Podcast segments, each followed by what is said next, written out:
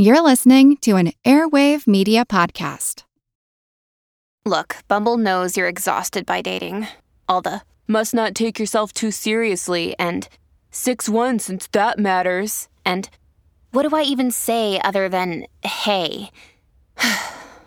well, that's why they're introducing an all new Bumble with exciting features to make compatibility easier, starting the chat better, and dating safer.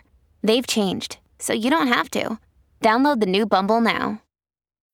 When you need mealtime inspiration, it's worth shopping Kroger, where you'll find over 30,000 mouthwatering choices that excite your inner foodie. And no matter what tasty choice you make, you'll enjoy our everyday low prices, plus extra ways to save, like digital coupons worth over $600 each week. You can also save up to $1 off per gallon at the pump with fuel points. More savings and more inspiring flavors make shopping Kroger worth it every time. Kroger, fresh for everyone. Fuel restrictions apply. This is Kick Ass News. I'm Ben Mathis.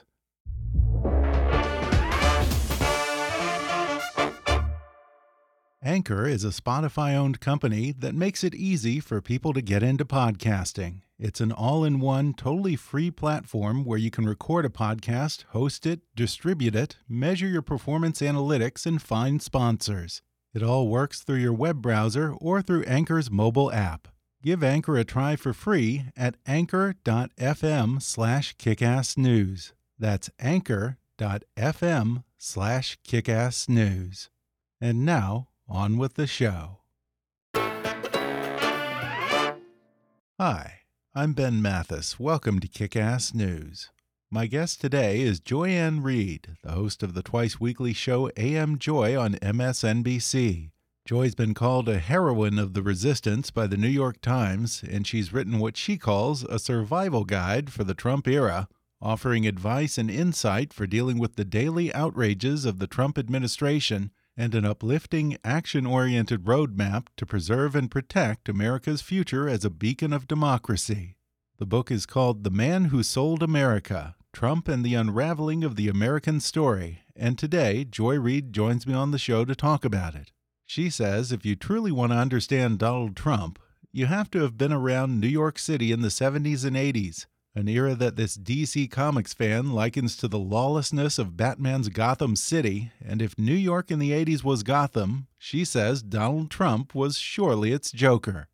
Then Joy tells the story of her parents' immigration from Guyana and the Democratic Republic of the Congo and suggests that America could learn something about healing division from post apartheid South Africa.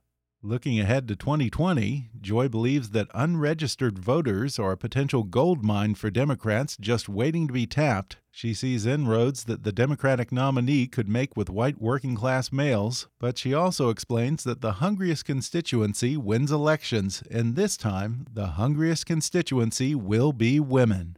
Plus, she weighs in on the first Democratic debate, shares the nickname that her daughter gave Beto O'Rourke, and predicts that 2020 will be the election that makes 2016 look sane by comparison.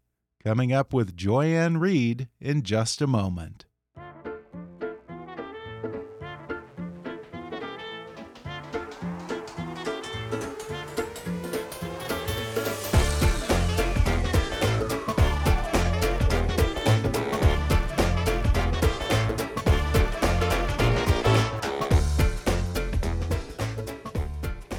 Joy-Ann is the host of AM Joy, a twice weekly political talk show that airs weekends on MSNBC.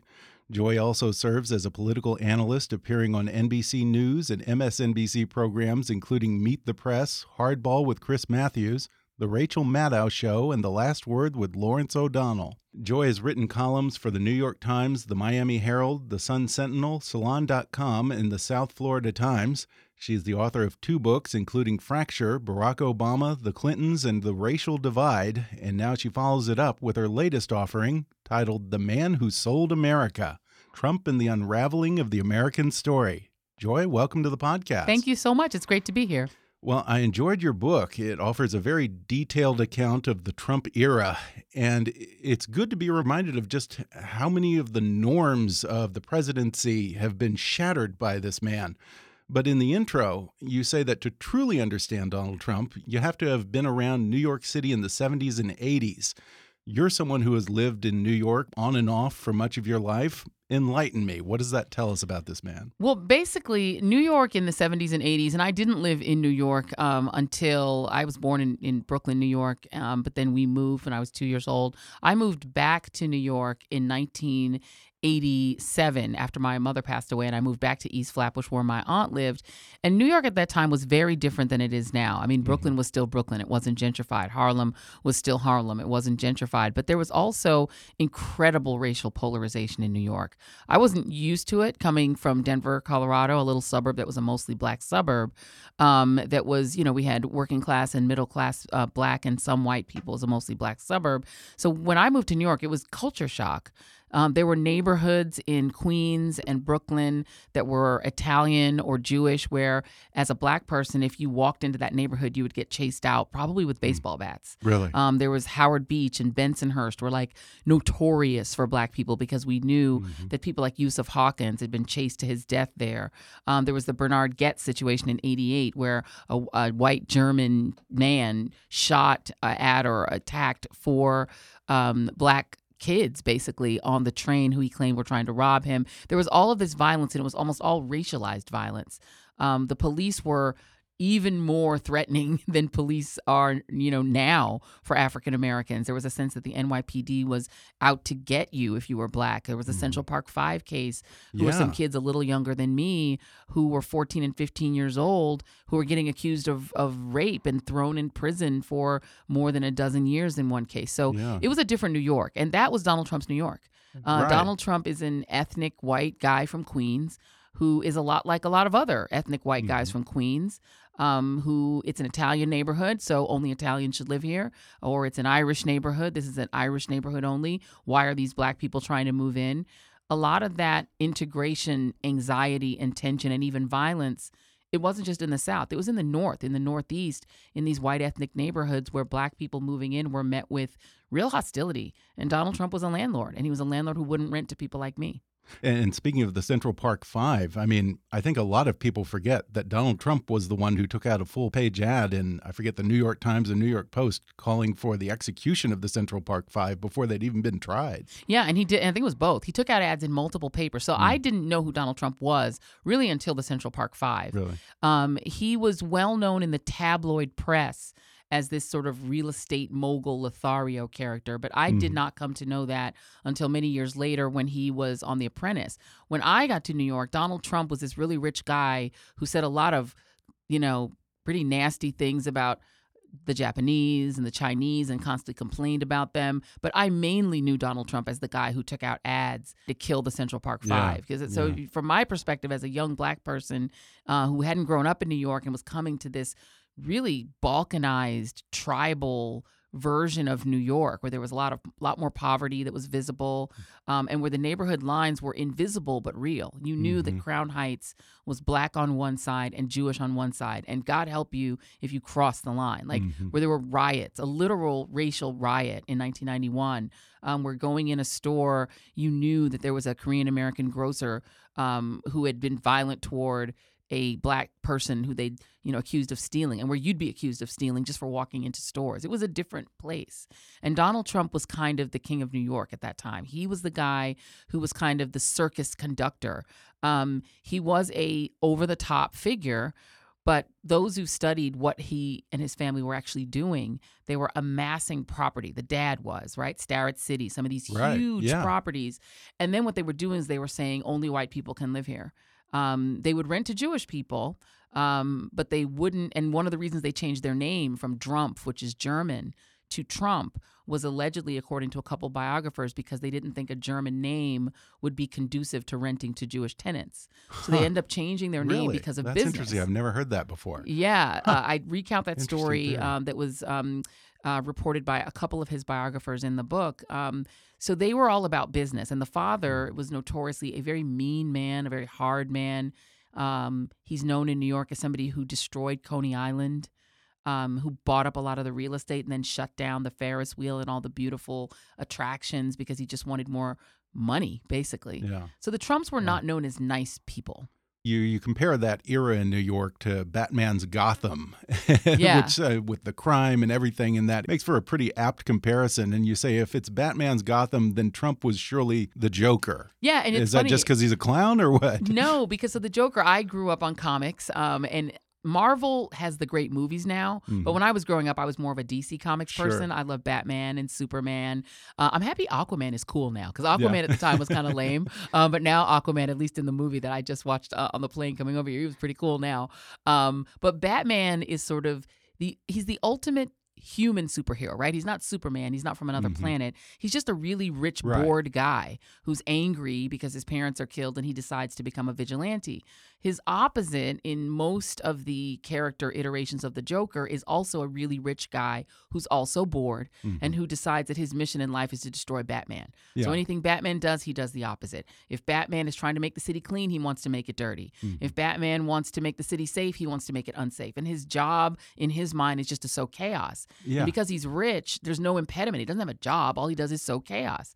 And to me, Donald Trump reminds me of that both because the New York he was in was more Gotham like. There was more overt poverty and drug addiction and the crack epidemic, more violence, more police violence, and more person on person civilian violence, um, but also more ostentatious, really extravagant wealth. Um, this was the era when wealth was really celebrated. It was the dynasty and Dallas era, uh, lifestyles of the rich and famous. So there was that juxtaposition, and Donald Trump was in that wealthy category that we knew of at the time. We didn't know he was broke. Um, and he used his wealth to sow chaos. He would go on TV and talk about how America was going to the dogs. This will sound familiar. How Japan is eating our lunch. China is eating our lunch. No one respects us anymore. He used to say the same exact things, and he always had a foreign villain.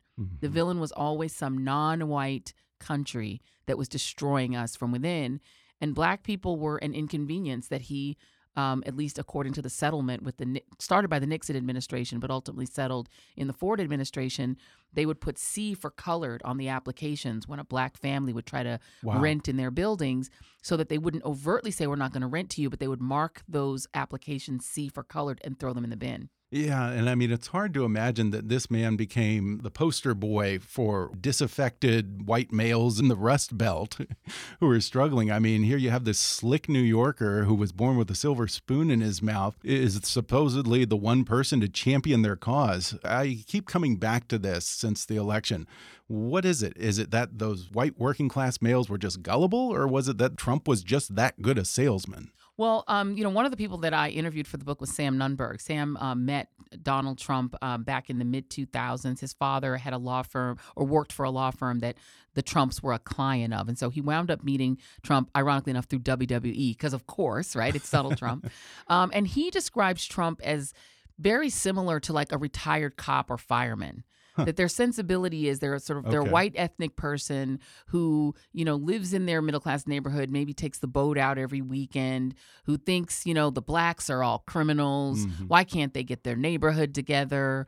Um, why do women have to be so mouthy? Sort of an Archie Bunker type, Yeah, right? yeah. Um, why is it that you know China is taking advantage of us? We should be on top. We're America. That sensibility Trump has is actually very similar to his base. So even though he is rich, his attitude is not like most affluent people. And in fact, the really affluent people in New York despise Trump. They look down on him as new money. Right. Um, and it was his dad that made the money, not him. So Trump himself was not seen as this self made marvel. He was just a guy who inherited a lot of money, and his father was never in a, a Manhattan rich guy. He was a Queens rich guy. So he amassed a lot of property and a lot of wealth, but he kept it in Queens. So what Donald Trump wanted to do was break out of Queens and get into Manhattan, and he really craved the respect of that elite. He wanted Anna Wintour to respect him. He wanted to be written up on the front page of the New York Times. He wanted to be in Time magazine. He wanted to be an A-lister, but he was really a B-lister, and it really sort of enraged him. And I think that anger at the elites in Manhattan, he also shares with his base. They mm-hmm. also feel the New York Times doesn't respect us. Those Manhattanites don't respect us. The elite in Hollywood yeah. don't respect us. Trump They feels have the same, way. grievances. They crave Yeah. the adoration, respect, and the attention of the elites. They despise the elites that when they don't get it, including the culture, Mm-hmm. Hollywood, music. It's all liberal. And so I think he shares their sensibilities, even if he doesn't share their pocketbook situation. And you provide another possible explanation that I hadn't heard before. Uh, you report that a number of Trump voters have said that they relate to him because he had so many failures. Do they see him as some type of avatar for themselves in that sense? So Whitney Dow, who I interviewed um, for the book as well, um, he his field of study really has become white America, mm -hmm. uh, and Whitney has something called the Whiteness Project, where he goes around the country just interviewing white people about their lives, huh. and he elicits from them things that I could never get from them because once they're comfortable with him, and he's very pointed about not even having a black cameraman. So when he's in there really? and interviewing these white Americans, they'll really open up to him after a while and tell him what they really think. And the Whiteness Project is fascinating. So Whitney goes to Wyoming and he interviews these white Americans and he talks to them about their anxieties and about Trump. And these are hardworking people, you know, they're they work on the land. They don't seem like they would be Trump kinds of people. They're religious. And what one of the women who he talks to, and I related in the books, she says, No, I relate to Trump because even though, you know, when he tells her, well, he was bankrupt like five times, he's not a successful businessman at all. She says, You know, but I've had failures.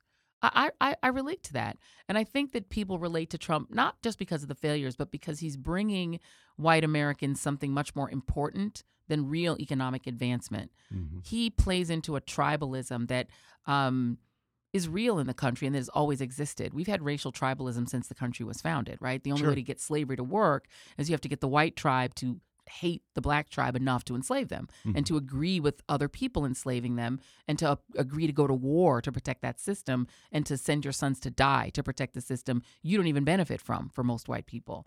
Um, racial tribalism never went away. But what happened is black people and brown people and Asian Americans developed a pride of place in the country and began to demand equal share of the power to live where they wanted to live, to do what they wanted to do, to work where they wanted to work.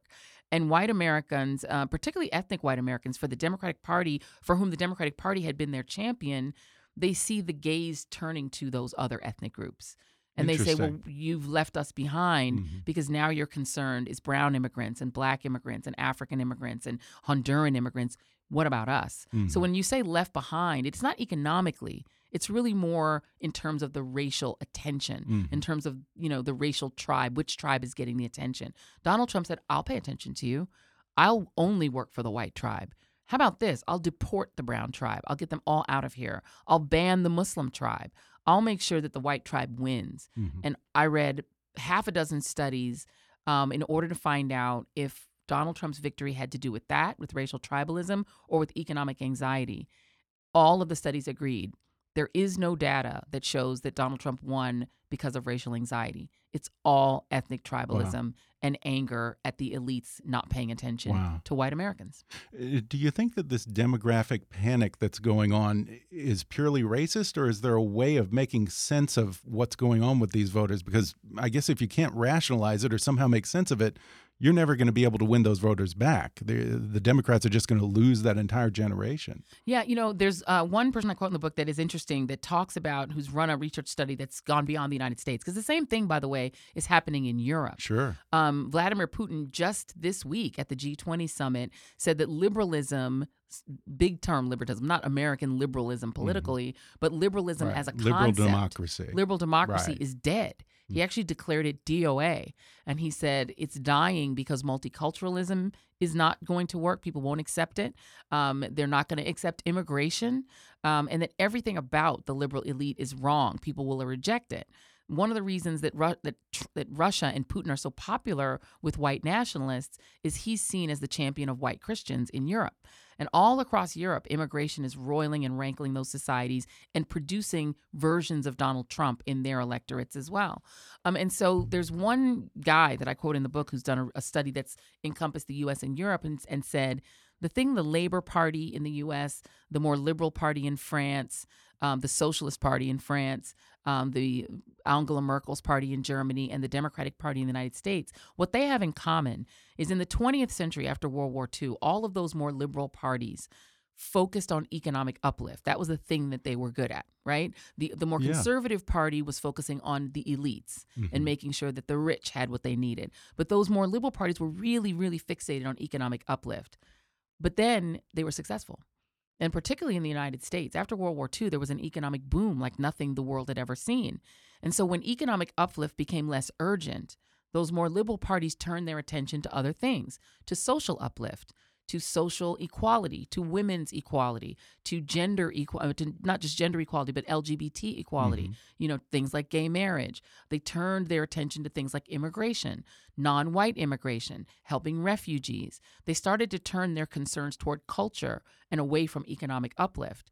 The voters who had counted on those being the parties of the working man, the working white Christian man, see this turn and see it as abandonment because they still want a party that focuses on their p- particular economic uplift.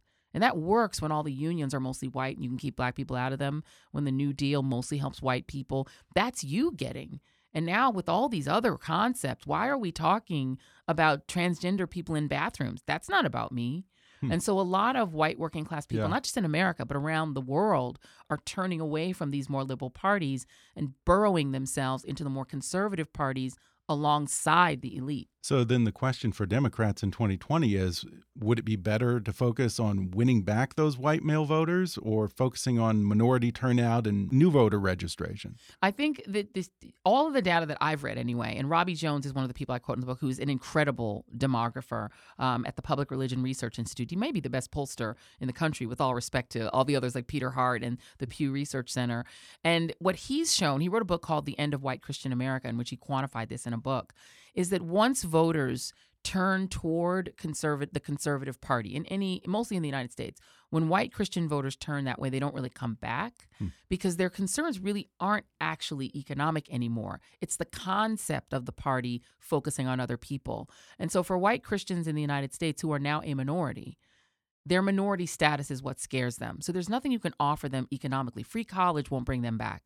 Offering them stuff won't bring them back. Saying we'll get you better jobs or we'll get you Green New Deal jobs. That's not what they want. They want status.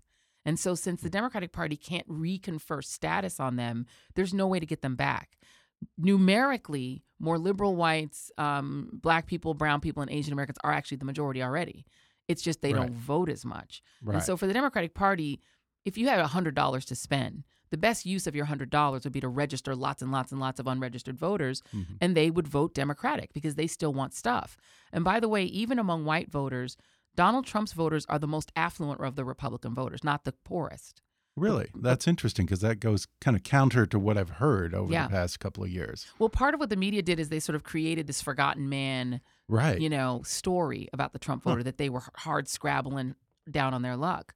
But of the 17 people who ran for president on the Republican side, Donald Trump's voters were the most affluent. They had the most money.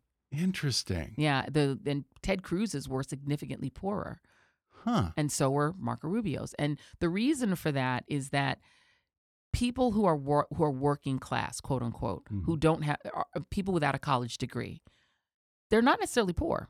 Like we have come to think of people without a college degree as poor, but police officers often don't have a, a college degree. Firemen don't often have a college degree. Plumbers can become a plumber without a college degree. You can be a landscaper. You can own a business. There are all sorts of things you can do where you've got plenty of money. You just don't have a college degree. So we throw you in with the working class. Poor white people don't vote. They don't, they're one of the lowest turnout um, cohorts in the United States. If you're poor and white, you probably don't vote at all. But if you did vote, polling shows you would vote for Democrats because you still Huh. need economic uplift. And Democrats are still the party of economic uplift. Interesting. So for Democrats, it's not just about registering minorities that aren't voting, but also the poor white voters in the 100%. Midwest and so forth. And in the South, the Democrats have essentially abandoned the South because they, they see it Right. now as right wing Republican territory, which mostly it is. yeah. But if you think about it, Barack Obama won, what, 45% of the vote in South Carolina. Yeah. Okay, he got 10 and 11% in Mississippi and Alabama. Those are tougher states, but those states have a higher percentage of black voters than Michigan. And Democrats can win Michigan. Democrats walked away from the South and I think abandoned a lot of voters, particularly rural white poor voters, who, if they voted, would vote for Democrats. Hmm. But they are poor, so they don't vote. Poor people of all races don't really vote, but they need the most and they need the most from the government. So Democrats would actually probably spend their money better going into the Mississippi Delta and registering poor black voters, going into the mountains of West Virginia registering poor white voters. If Democrats actually paid attention to the poor, most of those people they would find would support them. And I've heard you say that it's not necessarily the biggest constituency, but the hungriest constituency that gets their way usually in a presidential election. Who do you think is going to be hungriest in 2020? Well, I can tell you that in 2016, it was anti immigration voters. Mm-hmm. Anti immigration sure. voters were rabid because part of what happened with Barack Obama was that during his election in 2008 was the second time the census made a big splash about white Americans becoming the minority in America and they rolled back the date. When this was first announced in 1998 when Bill Clinton was president, it was 2052. In 2008, the summer of 2008 when they said it again and made a big deal of it while the black guy's running for president who people were calling a Muslim, it was 2008 in the summer and they rolled it back to like 2047 or 2042 so the date keeps getting closer. That set off a panic among a lot of white americans who don't want to be in the minority and white christians who already are in the minority. So they were a very hungry constituency. And then there was a lot of antipathy to hillary clinton. I think Mm-hmm. democrats underestimated how much rage and hatred against her had been built up over For more sure. than 40 years and they just took for granted that she could win every voter obama won which obviously was not true I think because Hillary Clinton was quote unquote supposed to win, because all the data said she was going to win, and because Donald Trump was taken as the Joker, as a clown, people underestimated the power of white ethno nationalism to put a president in office.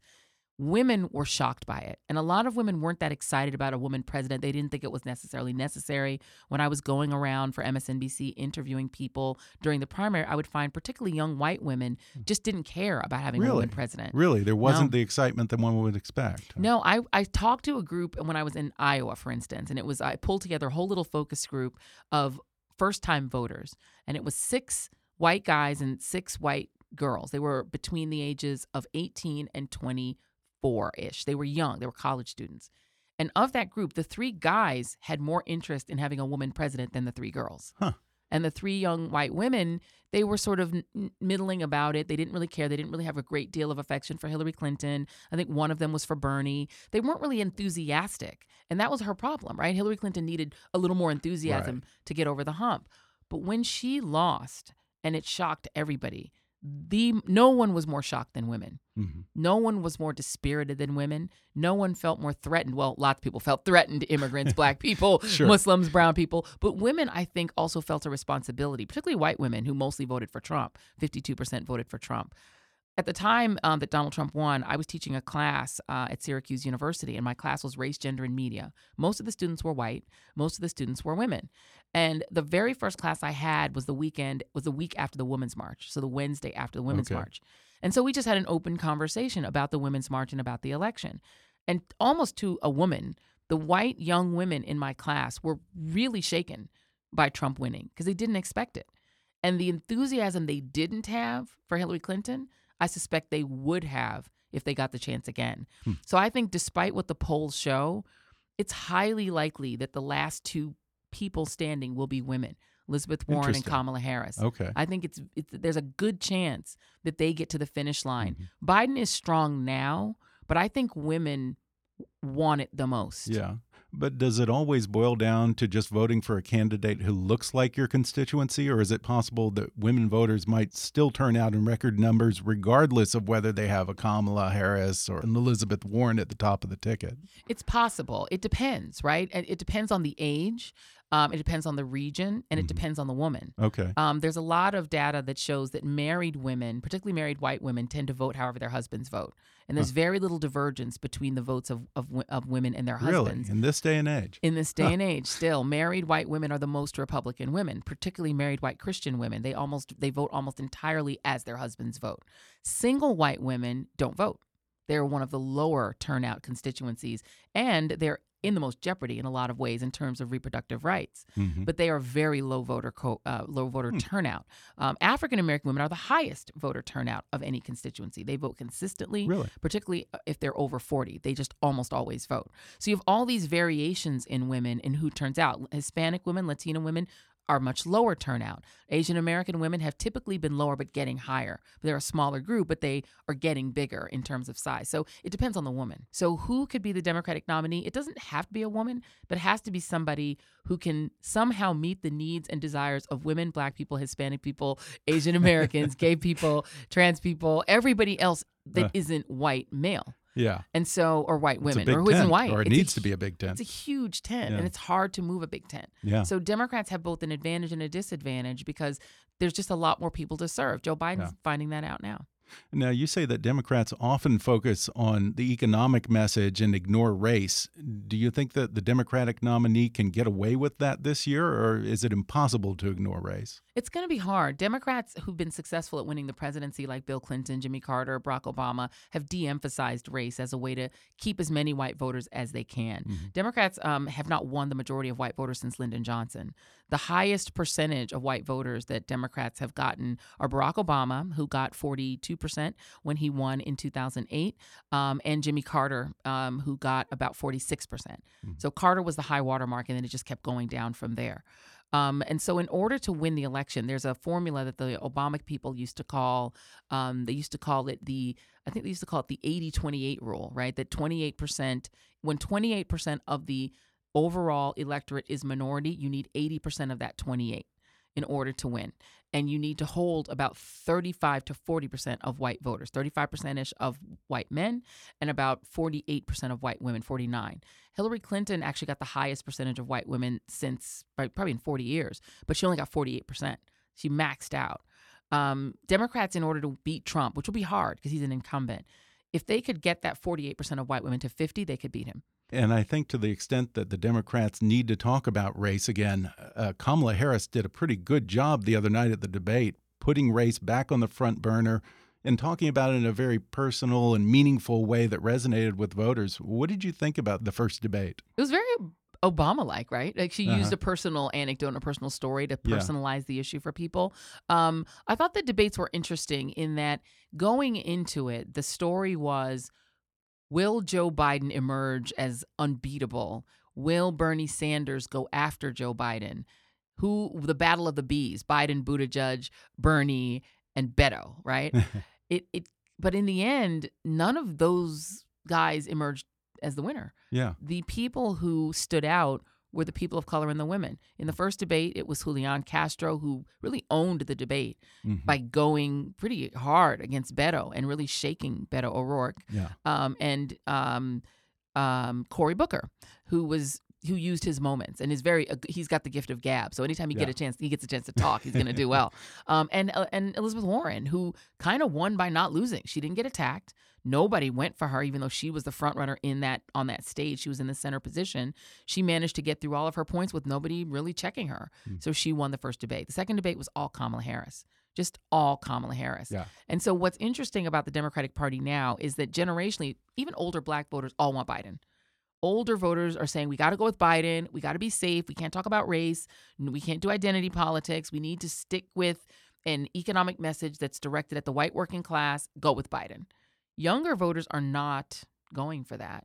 So it's going to be a challenge. Yeah. Only one of those two sides can win. Were there any huge surprises for you? I thought Julian was a surprise. Oh yeah, uh, Julian yeah, Castro, he right? He's very yeah. quiet, but I just never, saw, I never saw in him what he, what we got mm-hmm. at that debate. He really went after Beto, and I he showed some political yeah. fire that I think was good for him and was surprising. Yeah, I think someone said that Beto O'Rourke came off like the embarrassing dad at a Mexican restaurant. yeah, I, I probably should yeah. stop saying it. My daughter calls him Youth Pastor Beto because he he reminds her of the youth pastors at the church we used to go to in Florida who like skateboard in to talk about Jesus. Yeah, that's funny. Uh, you know, I want to ask you about your family background because you have an interesting history. Your mom came from British Guyana. They freed themselves from the British. They dropped. Oh the yeah, British. they yeah they probably wouldn't want to bring that up. No. Yeah, and, and, your dad came from the Democratic Republic of the Congo, as President Trump would call them, I guess shithole countries. Yeah, pretty much. As the daughter of immigrants, do some of these egregious policies, from the Muslim ban to the family separations, hit you particularly acutely? Oh, absolutely. I think if Donald Trump and Stephen Miller, who's his sort of henchman inside mm -hmm. the mm-hmm. government that's implementing the policies, if they put in place the things that they want to, I would definitely not have been born here because my both my parents would have been barred from coming here. Yeah. Um. So it's it, it is personal and and you know when they talk about chain migration which by the way is how melania trump got her parents in but anywho um, that's how my mother got her family in too all my cousins wouldn't be here um, we have a huge family that came from guyana that's here um, and so it is shocking. And my father, my both my parents are deceased, but my father's best friend is still alive. I actually just saw him last week, and he and my dad came over in the '60s with that Kennedy program that mm-hmm. Obama's mm. family came over on. And the whole point of doing that was that when countries in Africa got their independence from the European overseers, their colonial, their colonizers, there was a, a scramble between the United the USSR and the US, between the Soviet Union and the United States, to capture the kind of technocratic elite of those countries. Yeah. So that the next rulers of those countries, once they were democratic, small d democratic, would be pro America or pro Russia. So both countries actually offered to bring the best and brightest students either to Moscow or to the United States. The United States generally won. And the reason the United States was able to bring more people over and more people accepted my my father, Barack Obama's father, they wanted to come here is because of the notion of what America is. It's a powerful notion. I mean, the United States emerged from World War II as the leader of the free world, the last Western man standing. Europe was in rubble. We had to rebuild it. The war took place on European soil, so they were broken as countries. Germany, the big power, was broken. Japan was broken. And the United States was the leader. And the United States held together the global order from then on, right up until Donald Trump became president. And one of the ways they did it was rhetorically even and you can go back to World War One, go back to Woodrow Wilson, a venally racist, horrible human being. Everything about him was vile and awful if you're black. But even he would sing the songbook. He had a story about what America was that was heroic. He had hmm. a narrative about America that was heroic. He never spoke about the Klan. He may have screened the Klan movie in the White House, but he wasn't out there saying, I'm going to come out here and create a, an America for white people. I'm going to make white America great again. He didn't say that. Like, and he didn't tout that, right? He still tried to represent America as a, a convening force in the world and a force for good in the world and a, and a force for internationalism in the world, which is why there's Woodrow Wilson centers everywhere. So every president, even Nixon, Nixon believed in the America that we read about. He believed still in the system. When the Supreme Court said you have to turn over the tapes, darn it, he turned over the tapes. He didn't want to, but he believed in the system. So Donald Trump is the first president who d- doesn't even say those words. He doesn't Right. talk about America the same way, Mhm. right? I mean, O- President Obama, all of them do.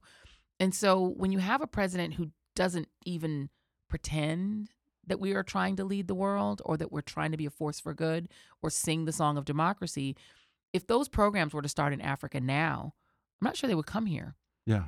And Yeah. and that's a challenge. We're we're it's harder for us to attract the best and brightest from all around the world, which is what makes us such a great country. hmm And people are afraid to come here. Do you feel like he's erasing the American narrative? Yeah. And if so, what is he replacing it with? Well, I interviewed Nothing? a lot of people from around the world who, what they said is that their disappointment in not Trump, but us, is that Mm. when even Barack Obama, who I interviewed people from Africa, white and black, who love and respect Barack Obama on the level almost of Mandela, right? They think of him Yeah. as this great man. But even when he would say, America is not here to take your oil, we're not here to rule over you, we want to encourage democracy here they somewhat didn't believe it. They thought they rolled their eyes a little because they said, "Here goes America again." They're used to the songbook, right? It's such Yeah. a well-known songbook that everybody knows it. So when each successive president sings it, you're like, "Okay, America, you're the leader of the free world. We get it." But part of them thought, you know, deep down, you really do want our oil. You know, when George W. Bush invaded Iraq, they said, mm-hmm, "See," and then, but George W. Bush, to his credit, said, "We're not here for your oil." Mhm. No matter what Halliburton was actually doing, Yeah. And no matter what profit they were actually making, George W. Right. Bush rhetorically said, "No, we're not here for your oil. Right. We're here for freedom. Unlike Trump, who specifically said, We, "We, want, the your oil." oil." right. So when Trump comes Yeah. out and says, "No, no, we just want the oil," a lot of people go, "See, we always knew that it was Mhm. BS." Interesting. So they were in Yeah. a way relieved Huh. that Trump is no different than their dictators. They're they're relieved that he's no different than their corrupt leaders. Mhm. Um, their leaders in some of these countries who who profit off of the presidency. Trump does too. They put their family members in the government. Trump does too. In a way, what Donald Trump has done is he's reduced us to the level of every other country. Mhm. People say, "See, you're just like us. You're not exceptional. You're just like us. You can get a Mobutu too." You mentioned a moment ago uh, Nelson Mandela. Uh, fairly recently, you traveled to Africa for the first time in your life, I believe, and you say there are some lessons for America and what happened in post apartheid South Africa. What can we learn from that? I think we're going to learn a lot. The country that's probably the most like us is South Africa. It's an upside down America. De- demographically, it's upside down. Yeah. Um, right? White Americans are, are 9% here. They're still over 70, 60 something percent. Um, and but they were founded the same time ish, about the same time uh, in the 1600s. They both had navigators arrive, and then soon slavery ensued. Um, in South Africa, they enslaved the Khoikhoi and other tribes that they found right there, the Zulu and Mhm. others, um, enslaved them in their own land rather than importing them. And Mm. they did import slaves from Malaysia. The Malaysian people in South Africa were the are the descendants of enslaved people. So they have a slavery narrative, they have a colonialism narrative. They had a connection to Britain like we did. Um, they broke away from Britain in the 1940s, um, and then apartheid started right thereafter. Um, the the people, the Afrikaners, decided to create a society in which only white people had rights, Right. which Americans did too. After the Civil War, white Americans created a society in which only they had rights to keep the former enslaved out of power. So they have we have very parallel histories. Um, during the 1950s and 60s, particularly once Dr. Martin Luther King was really fighting for civil rights here, he was even commenting on things like the massacres in Soweto. He was noticing what was happening there, and they were commenting on each other. Um, South Africans were really paying attention to the civil rights fights um, that Reverend Sharpton was waging in New York, and he was down there with me, and I've never seen anything like it. He's just revered in South Africa because they saw him as a black man standing up. And look, you're doing that in New York.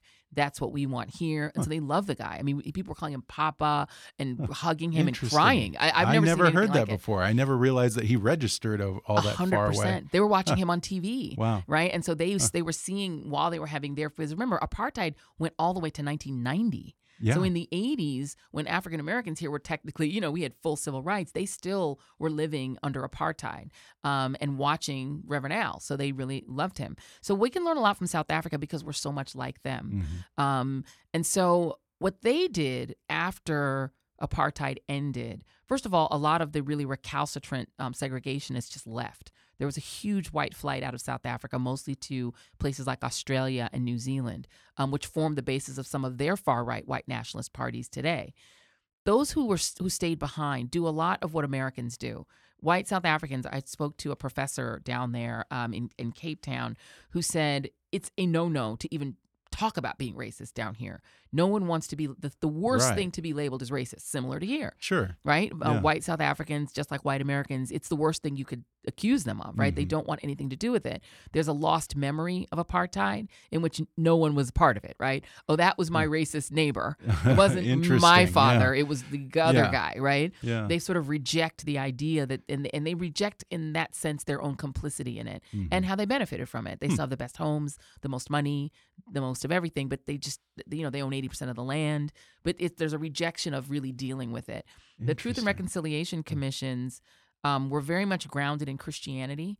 Desmond Bishop Right. Tutu was really a leader of it.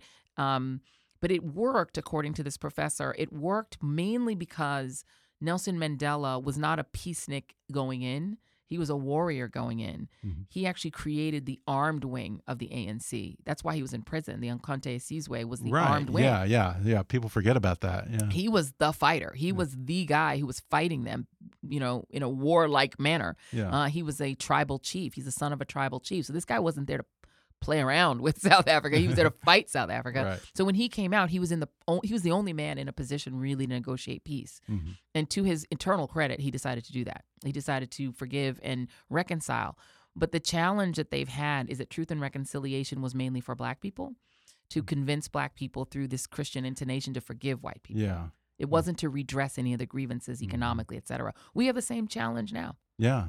The question is then who is the Mandela to elevate us above our own grievances and resentments? It's funny because the, the the South Africans that I interviewed um, for the book really felt that Barack Obama was tried, Mhm. that he was the person who most attempted to do it. But what they saw looking from South Africa on is when he tried, he was rejected so outright and so viciously by the Mitch McConnells of the world, the Paul Ryans. The, they, you know, they literally got together on the night of the inauguration, Ryan and McCarthy and Mitch McConnell, and plotted what in the 60s would have been called massive resistance to his presidency. You know, really not accepting him as president and attempting, I mean, not even allowing him to appoint a Supreme Court justice. Yeah. That's never happened. So it's not clear. You know, South Africa in a lot of ways is more advanced than we are on race because they're much more blunt about it because Mhm. black people are the majority. So they have to deal with it. Um, we I think are behind them in a sense of trying to do even truth and reconciliation. We haven't done it. But one thing I definitely learned from being down there is that the only way to overcome a noxious history is to confront it. You really do need to confront it. And Americans don't want to do that because we have a heroic narrative Mm-hmm. Yeah. about ourselves. But if we don't do it, we're not going to get very Yeah. far. Yeah, and I think I'm not alone in that it's very hard to figure out what the trajectory of the country is right now because here we are, we elected the first black president twice. Everyone was saying that we were in this post racial society, and then suddenly we follow it up with Donald Trump. So, uh, what do you think that means? Which one was the fluke? Was it the election of Barack Obama or was it the election of Donald Trump? I think neither. You know, the the history of the United States is that you know we fought a civil war to end slavery. Um, Six hundred thousand people died because one side literally refused to give up their slaves, really refused to give up this dehumanizing system, and were willing to die to keep it.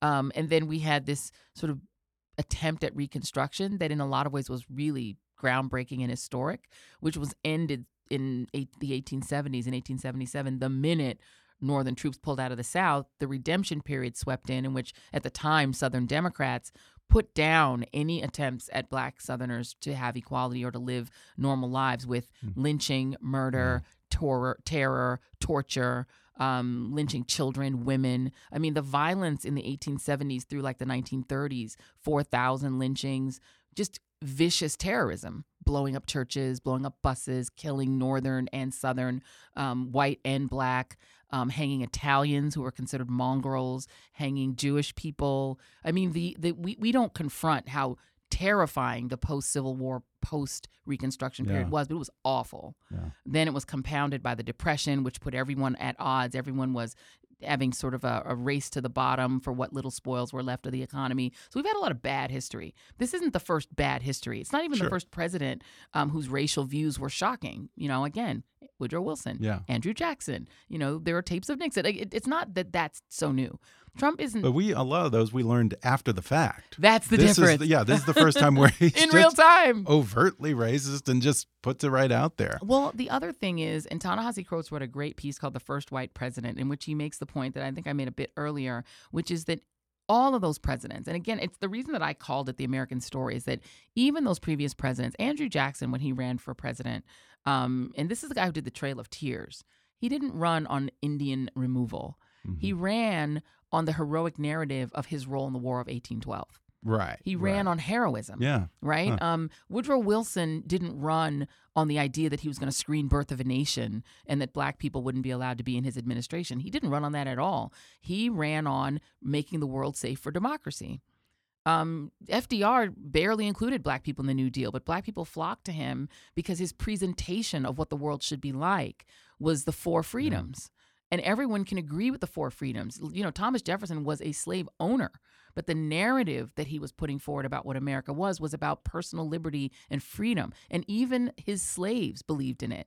So much so that the second the Civil War was over, formerly enslaved black people started running for office because they believed in the narrative. Even if the narrative wasn't helping them at the time, enslaved people still believed in it.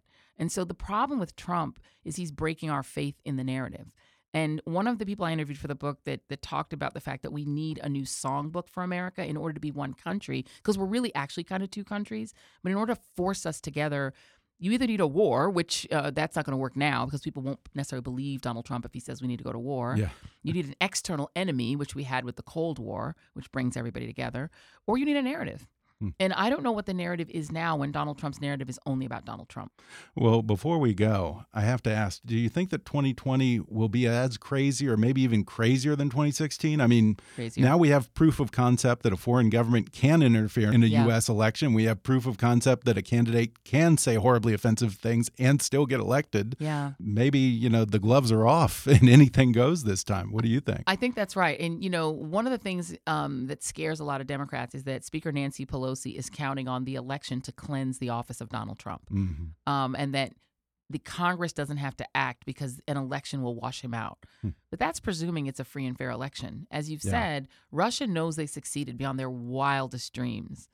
Um, I interviewed Naveed Jamali for the book, who says that people, Americans, don't really can't grasp how much Vladimir Putin hates America and feels Yeah. that we are responsible for destroying the great Soviet Union. He wants revenge. He's not doing this because he likes Donald Trump. He's doing it because he hates Right. us. And now that he's succeeded, why wouldn't he do it again? Why wouldn't he keep the chaos going? Not because he likes Trump, because he likes the chaos. He likes us not being leader of the free world. But now look at the G20 summit. Look at who Donald Trump got photo ops with. Mohammed bin Salman of Yeah. the Saudi of the of Saudi Arabia. Um, he he's attracted to Rodrigo Duterte of the Philippines. He's attracted to Erdogan in Turkey. Xi Jinping, who's just declared himself president for life of China. He's attracted to autocrats. Why wouldn't any of them interfere in the election? Why wouldn't all of them do it? And so now that we have, in addition to that, an, an Attorney General William Barr who has essentially said Donald Trump can do whatever he wants. He ha- I have his back. Who's going to stop him? Boy. And so I, I think Democrats and you know people in Congress and independents who are concerned about Trump and are assuming the election will fix it. I don't think 2016 was the hmm. half of it. I think Wow. 2020 will be 2016 on steroids. Oof. Gird your loins, America. Once more, the book is called The Man Who Sold America Trump and the Unraveling of the American Story. Joy-Ann Reid, thank you so much for talking with me. Thank you so much. Thanks again to Joy-Ann Reid for coming on the show. Order her new book, The Man Who Sold America Trump and the Unraveling of the American Story, on Amazon, Audible, or wherever books are sold. Watch her show AM Joy Saturdays and Sundays at 10 a.m. Eastern on MSNBC and follow her on Twitter at, at JoyAnnReid. Be sure to subscribe to Kickass News on Apple Podcasts if you haven't already. And if you like what you're hearing, then rate and review us while you're there. Five star reviews are the easiest way for new listeners to find us. Don't forget to like us on Facebook and follow us on Twitter at, at KickassNewsPod. And feel free to email me with your thoughts, questions, and suggestions at comments at kickassnews.com. Until next time, I'm Ben Mathis, and thanks for listening to Kickass News.